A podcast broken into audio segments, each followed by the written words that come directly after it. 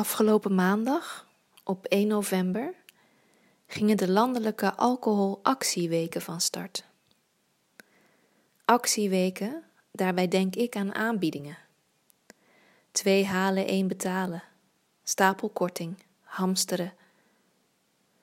Ik beeld me in dat tijdens deze actieweken de slijterijen en supermarkten en proeverijen hun dranken aan mogen bieden tegen absolute bodemprijzen dat accijns even niet bestaat.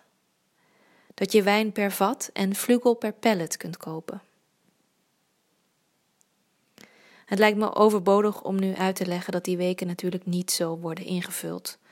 De alcoholactieweken worden georganiseerd door de Alliantie Alcoholbeleid Nederland en draaien om preventie, om het dempen van alcoholgebruik binnen de Nederlandse populatie middels het kweken van bewustzijn en verantwoordelijkheid.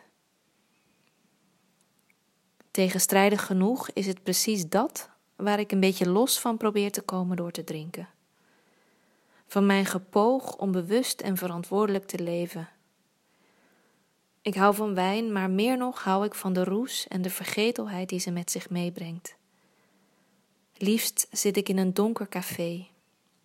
Ik drink kruidige wijn die zich mengt met de 70% aan vloeistof waar mijn lichaam uit bestaat. Na een tijdje komt het. Als de diepe zee word ik, warm en traag. Een diepe zee met rode wangen. Zachtjes klots en dein ik op het ritme van mijn hartslag. Woorden klokken uit mijn mond, mijn ogen lodderen. Gesprekken zwemmen als visjes voorbij. Gezeten tussen de andere lodderogige en klotsmondige, vergeet ik mijn heigerige haast om iets goeds van het leven te maken. Vergetelheid dus. Maar eigenlijk is dat maar het halve verhaal.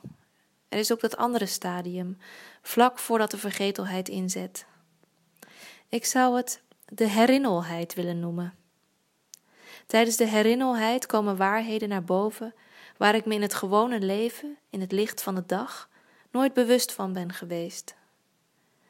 Na een glas of wat kijk ik op en spreek gewichtig tot mijn gezelschap. Ik heb altijd zo'n bewondering voor de manier waarop jij.